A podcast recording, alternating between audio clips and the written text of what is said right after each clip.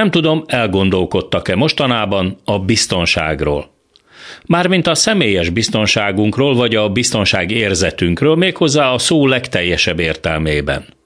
Legutóbb a lengyelországi rakéta incidens juttatta eszembe, hogy rövid pillanatok alatt mennyire megváltozhat az életünk, és minden, ami biztos fogódzónak vagy támpontnak tűnt, milyen gyorsan eltűnhet a jövőbe vetett bizalmam.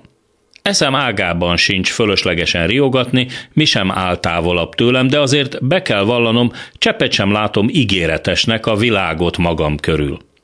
Ahhoz a generációhoz tartozom, akik az állandó hidegháborús fenyegetésben nőttek fel, olyan időkben, amikor akár a kubai rakétaválság, akár egy-egy közel-keleti háború magában hordozta egy totális, termonukleáris világégés lehetőségét. Olyasmiét, ami végleg eltörli az emberi fajt, és vele együtt talán az élőlényeket is a föld színéről. Sokáig tartott, mire az emberiség vezetői rájöttek, hogy egymás legyőzése helyett az egymás meggyőzése a járhatóbb út. Volt aztán itt minden. Enyhülés, szovjet-amerikai leszerelési tárgyalások, Helsinki folyamat, a berlini fal meg a vasfüggöny lebontása, sok-sok lépés, amitől legalább itt Európában bízni lehetett a holnapban. Jugoszlávia szétesése, a véres etnikai és polgárháború aztán egy csapásra véget vetett ennek a minden bizonyal hamis biztonságérzetnek. Ráadásul itt a szomszédunkban.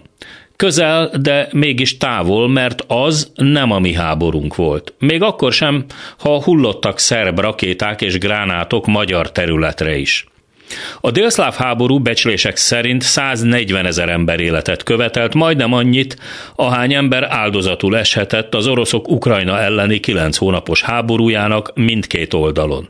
A különbség mégis óriási a délszláv háború és Oroszország háborúja között. Itt egy belülről megújulni képtelen, de birodalmi álmokat kergető atomhatalom visel hadat az egész civilizált világgal szemben.